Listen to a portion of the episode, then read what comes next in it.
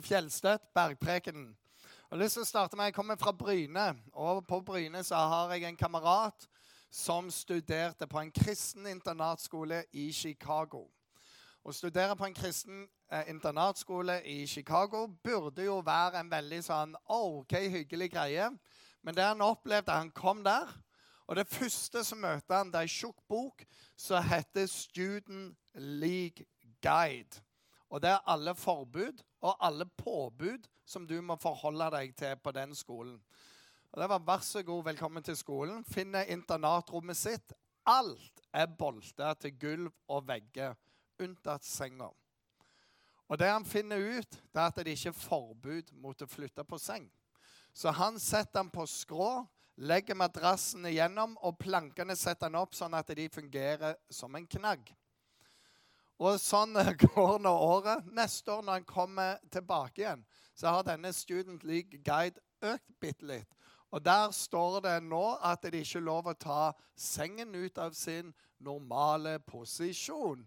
Og dermed så var det et forbud for dette òg. Og han klikka. Han gikk der i tre år.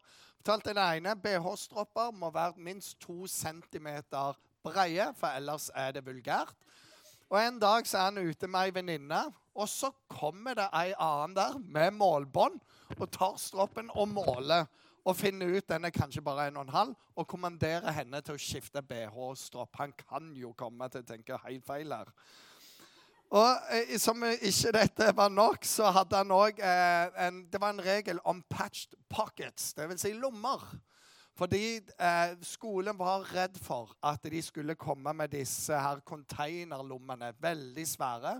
Så det skulle være vanlige ytterlommer på alle bukser. Hvilket bare førte til at folk tok på seg det mest hullete, det mest fargerike, styggeste med vanlige lommer på. Selv kom han i skade for å ha på ei dressbukse en dag uten ytterlomme. Og han får bare beskjed om gå og skift med en gang. Vi kan ikke ha sånne klær på her. Og alt dette her eh, illustrerer egentlig hvor vi er i prekenen i dag. Når gode intensjoner bare blir paragrafrytteri, der du mister innhold og står igjen med ytre ramme. Eh, her i Norge har vi vært gode som kristne òg. Kortspill har vært utrolig sunn og for min del så er det kun synd for Kim Freddy, som går i menigheten her, når han er med meg, for han taper alltid. Dansing er synd. Så når jeg gifta meg, så sørgte min kone for at vi var i lokalet lokale eid av Sambandet der det ikke er lov å danse. Kino er synd, og, og, til og med så godt så langt at her i Kristiansand så er det synd når Star taper. Og i så måte så var sist år full av synd. Og greia i teksten er at disse skriftlærde og fariseerne, de som liksom var på toppen, de gikk gjennom hele loven og fant ut at det er over 600 påbud eller forbud. Og de måtte jo holde alt sammen, og det blir jo et strevsomt liv. og for å unngå dette her, for de, de tenkte sånn Du blir kun rettferdig hvis du oppfyller alt. Så de brukte hele livet sitt på å leve godt nok. Og dermed så begynte de å se ned på andre som bare ga opp. Men så var de litt sånn litt dårlige, for de begynte å vri på ting. Hvis de var uenig i et forbud eller et påbud, så bare la de trykke en annen plass, så de kunne gjøre egentlig det de hadde lyst til, men likevel var innenfor loven. Så de tolka disse tekstene, sånn at eh, de, de, kunne klare seg. Jeg vet ikke om du har sett Disney-filmer og sånne ting, men det er jo alltid eh, en byråkrat som setter opp regler som gjør livet surt for alle andre i filmen. Og Veldig ofte er byråkraten så lite og de andre superstore, men han har loven i sin hånd. Og så gleder vi oss på slutten av filmen når han blir dunka inn i en vegg eller et eller annet sånne ting. Akkurat det siste må vi be om tilgivelse for. Men det er et poeng inni de tingene der. Og Jesus sier dere, eh, dere må lytte til men ikke være sånn som de, for de løfter ikke en finger for å hjelpe andre. De er kun ute og passer på deg og snakker deg ned. Og så sier men det er jo ikke dette det handler om. Det handler om en relasjon. der det handler om å løfte opp. Og det som var ekstra, ekstra ille, det var at Jesus før bergpreken allerede hadde ødelagt alt. Han hadde helbreda mann på sabbaten. Og det er jo helt ulovlig. Jeg tipper de aldri hadde sett en helbredelse. Men når Jesus gjør det, en lam som ligger der, hver krøpling hele livet, bare retter ut og begynner å gå, så folk er wow! Og de sier no! Sabbat! Du kan helbrede de seks dager i uka, men her da kommer nå. Og så er de bare sure. For de er drevet av disse paragrafene. Og det er her vi går inn i teksten. Og det vi skal se på i dag, det er seks, eh, det som kalles antiteser. Vi skal ikke se på alle, for eh, vi har en talebegrensning på to timer her, og det må jeg ikke overgå. Eh, så vi skal gå inn på noen. Men en, en antitese, det er dere har hørt det sagt, men jeg sier dere. Det er noe annet. Og Grunnen til at Jesus gjør dette, det var at de sa ting som ikke stemte helt. Av og til var det en liten vridning på det, og noen ganger så var det reinspikka løgn. Som den siste. Du skal elske din neste og hate din fiende. Så Hvor kom det ifra? For det står du skal elske din neste som deg sjøl. Du skal be for de som forfølger deg. Det er noe helt annet. Så det hadde vridd det og vridde, sånn at de kunne gjøre akkurat hva de ville. Og Teksten begynner her. Tro ikke at jeg er kommet for å oppheve loven eller profetene. For folk tenkte nå kommer Jesus med helt nye ting. Han har tatt på sabbaten, han har gjort andre ting. Kommer han med nye ting nå? Skal det endres? Og tror ikke det. Jeg har ikke kommet for å oppheve, men for å oppfylle. Sannelig, sier dere, himmel og jord for, før himmel og jord forgår, skal ikke det minste bokstav eller eneste prikk i loven forgår, før alt er skjedd. Den som opphever et eneste av disse minste budene og lærer menneskene å gjøre det, skal regnes som det minste i himmelriket. Men den som holder de og lærer andre å gjøre det samme, skal regnes som stor i himmelriket. Ja, jeg sier dere, og så adresserer han. Dersom ikke deres rettferdighet langt overgår de skriftlærdes og fariseerne, så kommer dere aldri inn i himmelriket. Og vi skal se litt på dette. Oppfylle, når han sier det, så betyr det å fylle i. Du tar det som mangler, og så fyller du i. Når du har lagd et rammeverk, så må du ha liv i det. Det Jesus sier. Jeg er kommet for å fylle i, for å lage dette med liv, sette dette på plass. Og så sier han Guds orden er god. Guds vilje er god. Guds standard er den beste standarden. Den er full av liv. Den er full av evighet i seg. Men det er de skriftlærde, det er de, hva de gjør og hvordan de tolker seg, det holder ikke mål. For det blir ei ytre greie og ikke et indre liv. Og det de prøver på, det blir frelst ved gjerninger. Jeg skal leve godt nok. Jeg skal fortjene meg til himmelen. Og hele evangeliet er jo Det klarer vi ikke. Vi er frelst av nåde. Og det står mens vi var syndere, så døde for Jesus for oss. Vi, vi gjorde ikke en prikk for det. Han bare gjorde det av sin kjærlighet for å gi oss sitt liv. Og det er ved Hans ånd, når du blir en kristen og med å leve med Han, at dette begynner å dreie seg. Du har lyst til å leve annerledes. Det kommer et driv innenfra. Det skjer en omvendelse. Du holder ikke et ytre bud, men du får noe indre karakter som begynner å presse igjennom. Og så eh, går dette videre da, på disse antitesene dere har hørt. Det er litt sånn Jeg spiller innebandy av og til. Og så kan jeg regler. Så har jeg vært med en gjeng som planter menighet på Hellemyr. Og der er regelen at du kan ta ballen med hendene. Og det er jo bare sånn Er det mulig hver gang? Jo, jo, det er sånn reglene er. Og da har jeg lyst til å si Dere har sagt at det er lov å ta ballen med hendene. Men jeg sier dere, det gir to minutts utvisning. Og så er greia her, da, at av og til så kommer jo ungene du, du, du, vet, 'Kompisen min sa det. Læreren sa det. Den sa det, og den sa det.' sant? Og så vet du autoritetsnivået på dette her. Hvor høyt kan du si 'Det er helt sant'. Uh, Toren sa det. Hun jobber i kirka. Det var som min sønn kom hjem en dag, og så sa nabogutten at eh, ja, Gud fins ikke, du kan jo ikke se han. Han ble helt sånn ute. Jo, jo, han fins! Og, og pappa jobber med han! Og jeg sånn, All right. Der. Sant? Og du vet med Ungene når de kommer hjem og skal si jo alle kan gjøre det, og så kommer jo far eller mor. Men jeg sier sant? det er den høyeste autoritet. Jesus han tar jo på seg en autoritet her. De har sagt, alle disse skriftlærde, alle fariseerne har sagt Men jeg sier dere Og det er bare pff, De er et nivå ned. Det er rimelig bøst hvis du ikke er den du sier du er. Altså, Han er rimelig bøs der. Mer enn nok til at de kan finne en eller annen sånn måte å steine ham på. Men han er der. Og så sier han Dere har hørt det sagt til for, forfedrene. Du skal ikke slå i hjel. Den som slår i hjel, skal være skyldig for domstolen. Men jeg sier Og så kommer innholdet. Den som blir sint på en bror, skal være skyldig for domstolen. Og den som sier til sin bror 'din idiot', skal være skyldig for det høye råd. Og den som sier 'din ugudelige narr', skal være skyldig til helvetes ild. Jeg bare siterer Jesus her. Det er ikke jeg som sier dette. All right?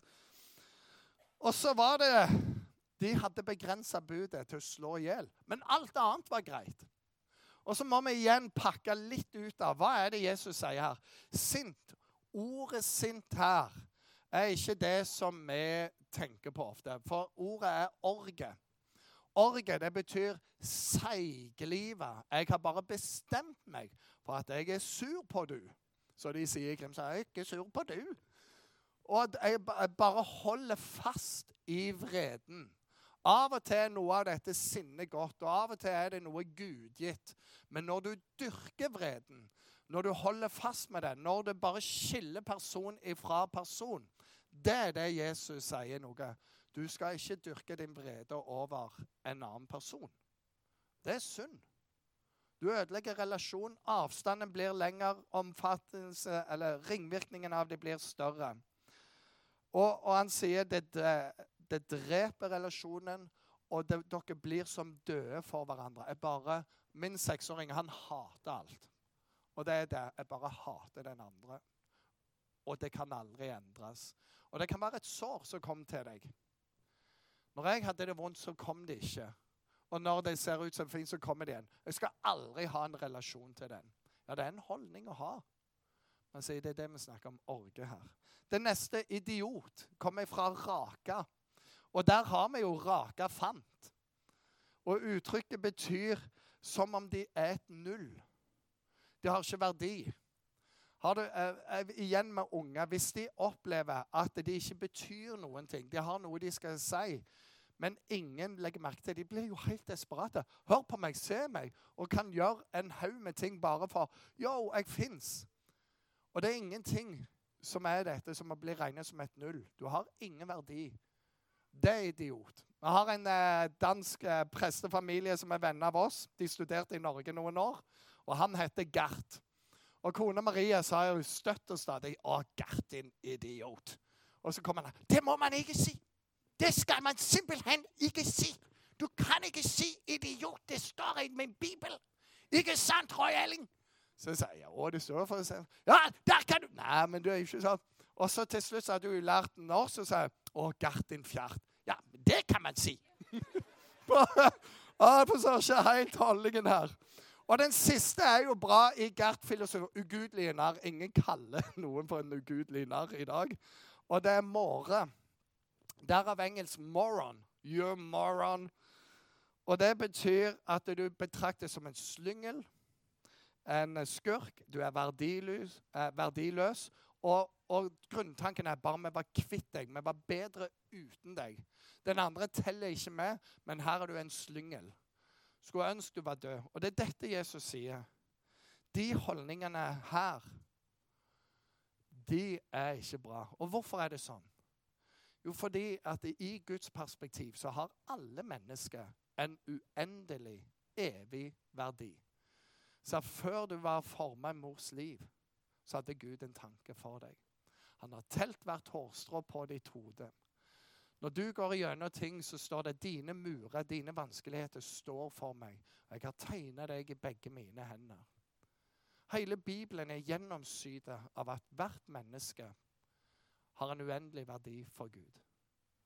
Jesus lar seg dø på kors. Og den lille Bibelen, Johannes 3, 16, sier nettopp det. For så høyt elsker Gud alle mennesker på jord at han døde for oss mens mennene var syndere. Og Det er derfor han sier dette.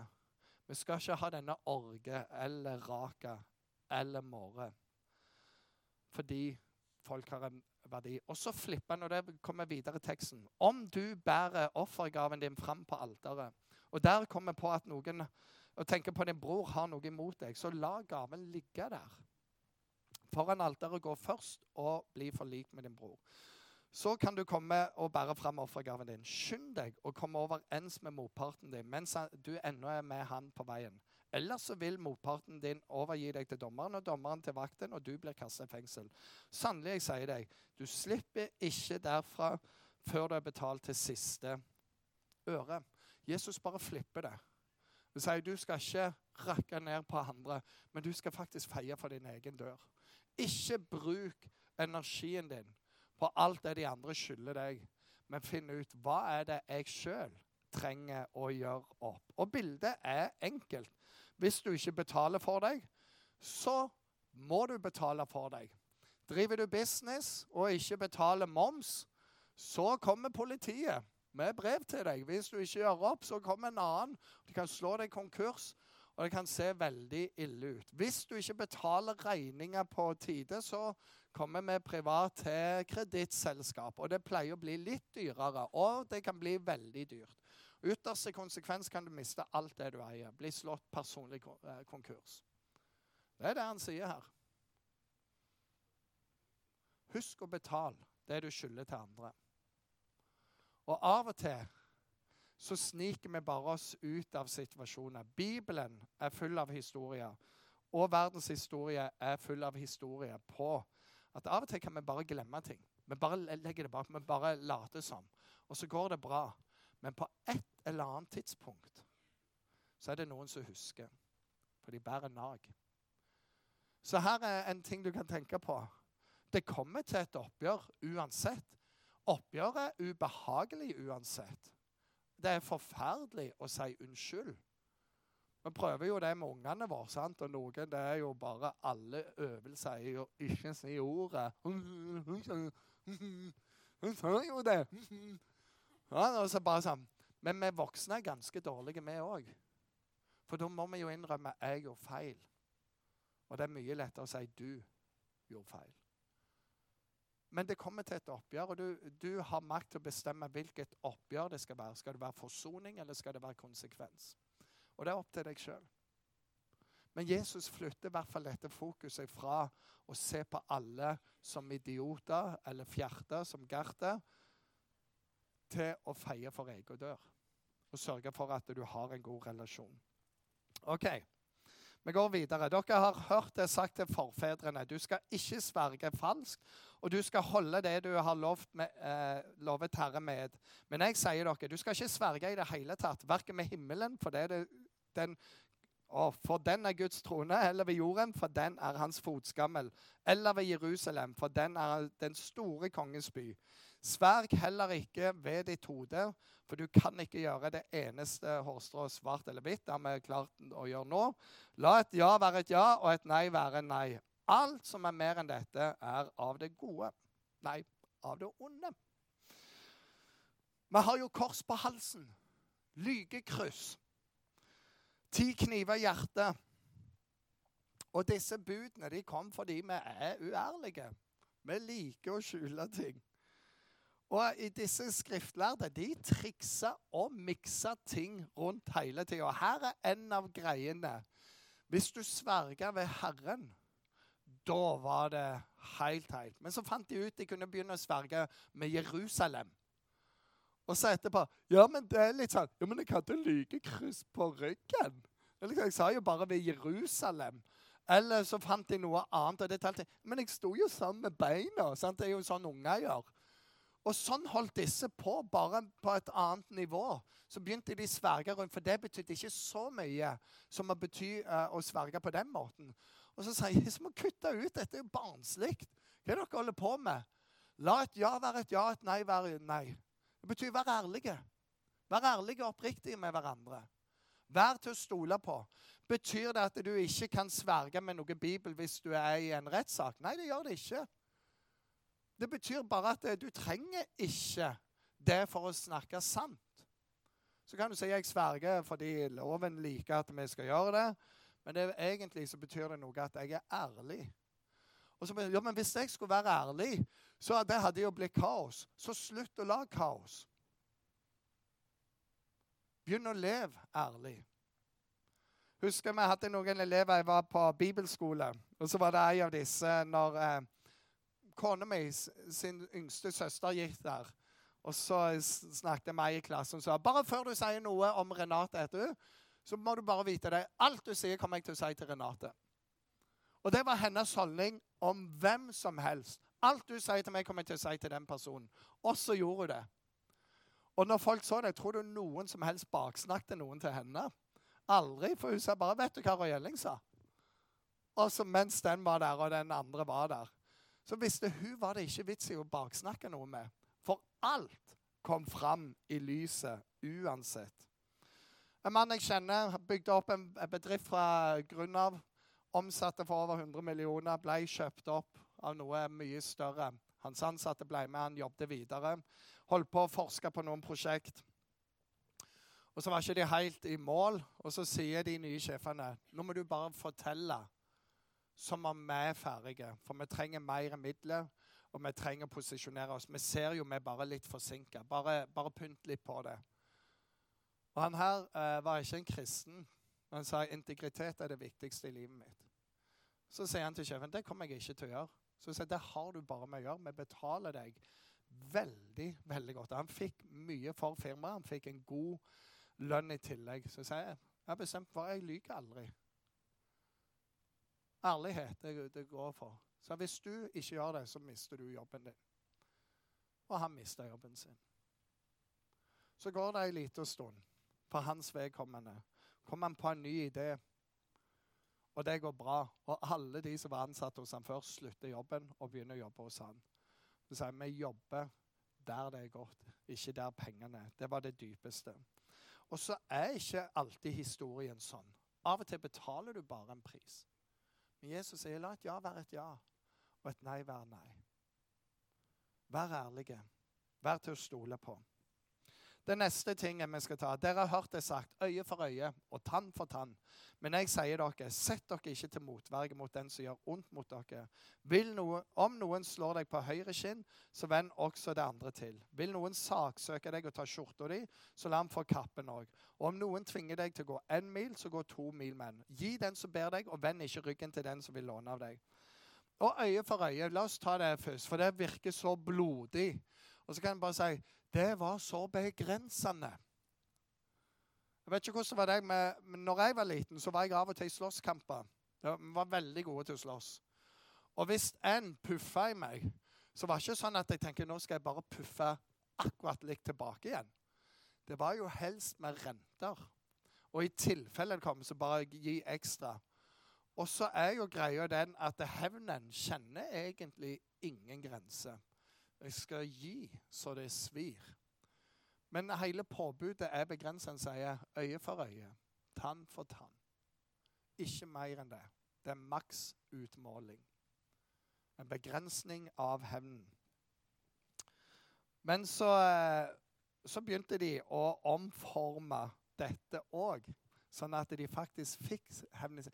Ja, men det gjelder jo bare sånne ting. Men når det gjelder akkurat det som er gjort mot meg, da kan jeg virkelig og så gjorde fariseerne en omskrivning.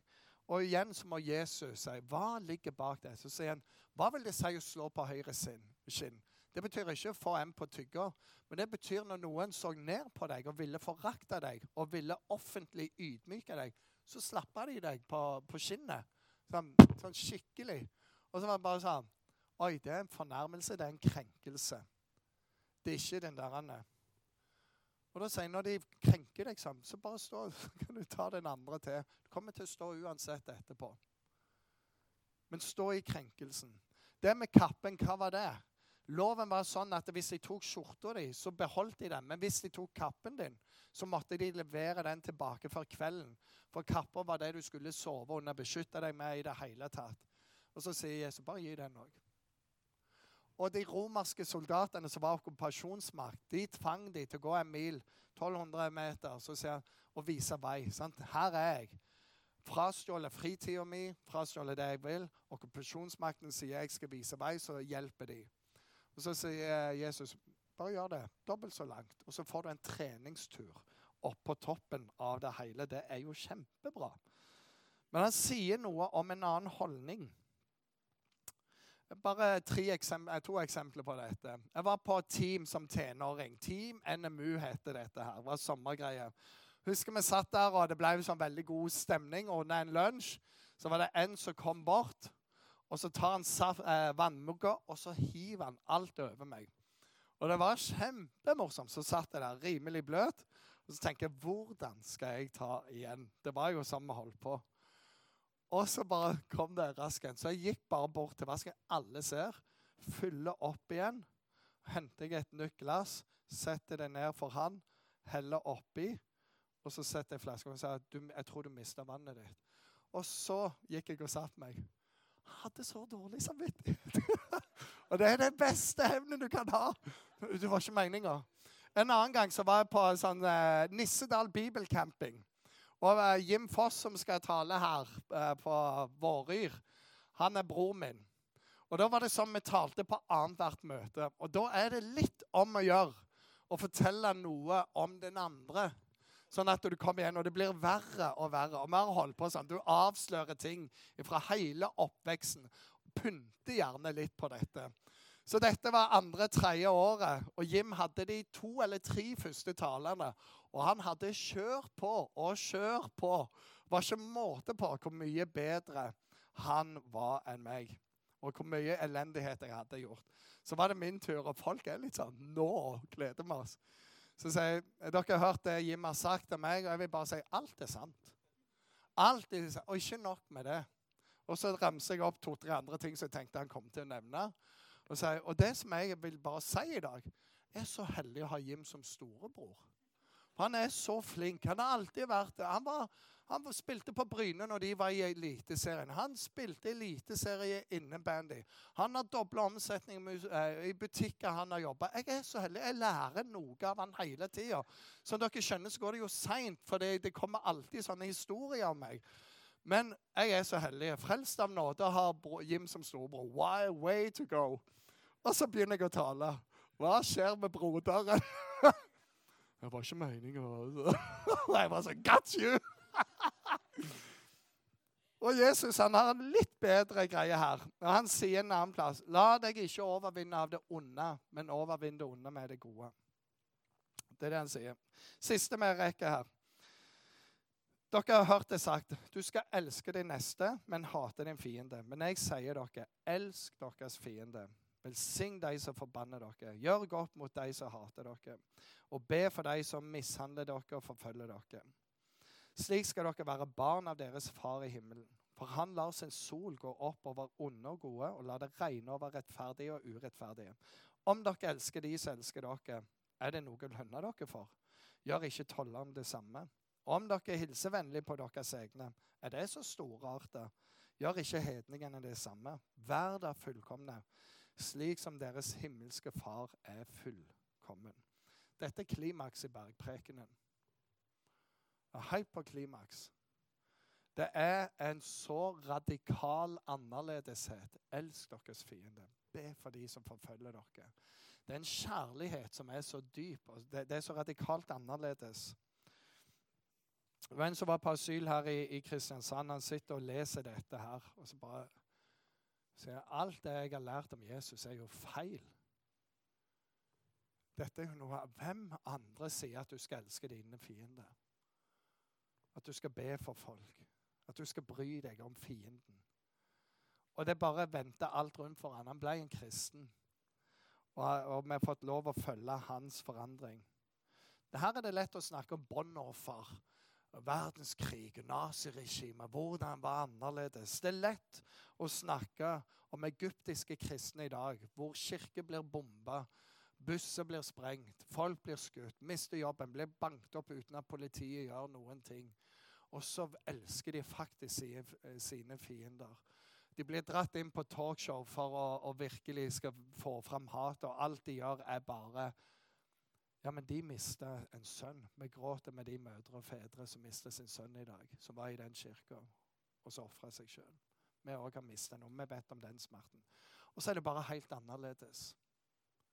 Men her så er det ikke sånn. Men jeg vet at noen naboer har noen trær som irriterer. Jeg vet at det er noen sjefer som er ulidelige. Og det er noen i familien. Ja, hva er det vi sier på Jæren? Det fins sprøsne panner i alle lander. Det betyr det alltid det sorte fåret. Samme hvor bra det ser ut, så er det en eller annen. Og det er alltid noen som kommer opp som ikke er så bra. Og så sier han, 'Elsk dine fiender. Be for de som forfølger deg.' Hvordan kan jeg velsigne deg i dag? Det er radikalt. Det er annerledes. Greia er at du klarer ikke det alene. Jeg klarer ikke det alene. Det er derfor Jesus sier, 'Den som blir i meg, jeg blir i han'. Hvordan skal vi klare dette? Jesus klarte det. Han modellerte det, og det er derfor vi trenger å være kobla på han. Bare veldig eh, korte ting her, her mot slutten. Jesus møtte og helbreda samaritanere. De var ureine. Folk gikk omveier for å unngå det landet. Jesus gikk rett igjennom. Han møtte dem, han snakket med dem, brydde seg. Tollere og syndere. Det er så interessant at det er en egen benevnelse for tollere. Det, bare, det er sånn som i Norge. Du har nordmenn og bergensere. Det, det, er noe jeg Jeg husker Øystein Gjerme kom en dag. Han er bergenser og sa det er forskjell på folk! Og alle når de hører dialekter Oh yeah, det er forskjell på folk. Tollere var bare det verste. Jesus var med dem hele tida. Han elska dem. Barn som hadde en veldig dårlig plass. De ble jagt vekk alltid. Jesus sa bare la de komme her. Hadde en enorm kjærlighet, en enorm tilhørighet. Kvinner som var grepet i hor, som skulle steines til døde. Så sier jeg fordømmer deg ikke. Når Jesus blir tatt til fange, han vet nå skal jeg korsfestes, så prøver Peter å forsvare ham. Han hogger av øret på henne. Jesus plukker opp øret, setter på soldaten igjen. Han blir helbreda. Sier 'nå kan du ta meg'. Det er bare sånn Hva er dette? Det er noe med evangeliet. For så høyt elsker Gud verden at han ga. Og gjennom alle disse antitesene så sier han den kjærligheten er det som skal drive oss òg. Ikke ytre regler og bud, men en indre kjærlighet som ser mennesket i Guds verdi. Og dette er beintøft. Vi klarer det ikke sjøl, men vi klarer mer når vi er kobla på Jesus. Kan vi be? Himmelske Far, jeg takker deg for teksten i dag. Den er en uh, alvorlig tekst. Den er ransakende og selvransakende. Og så er det lett å se at vi kommer til kort. Men jeg takker deg for at uh, vi kan gi oss til deg. Og så hjelper du oss. Og så vil jeg be for den enkelte av oss. For noen trenger å la offergaven ligge der og forsone seg med andre. Det er mange ting som sårer og gjør vondt. Men hjelp oss å gjøre alt vi kan for at relasjoner er gode. Hjelp oss å dø fra oss sjøl, sånn at du kan leve gjennom oss. Herre, hjelp oss å ikke kommentere alle andre, men hjelp oss å feie for vår dør. Og Herre, så ser du de kamper som vi har, det som er vanskelig. Jeg takker deg for midt oppi der når vi kommer til deg, så kan det være en oase av fred og av liv og kjærlighet. Hjelp oss å være i den strømmen, så vi får kraft til å stå i det. Og kraft til å møte hardhet med kjærlighet. Jeg ber om det i Jesu navn. Amen.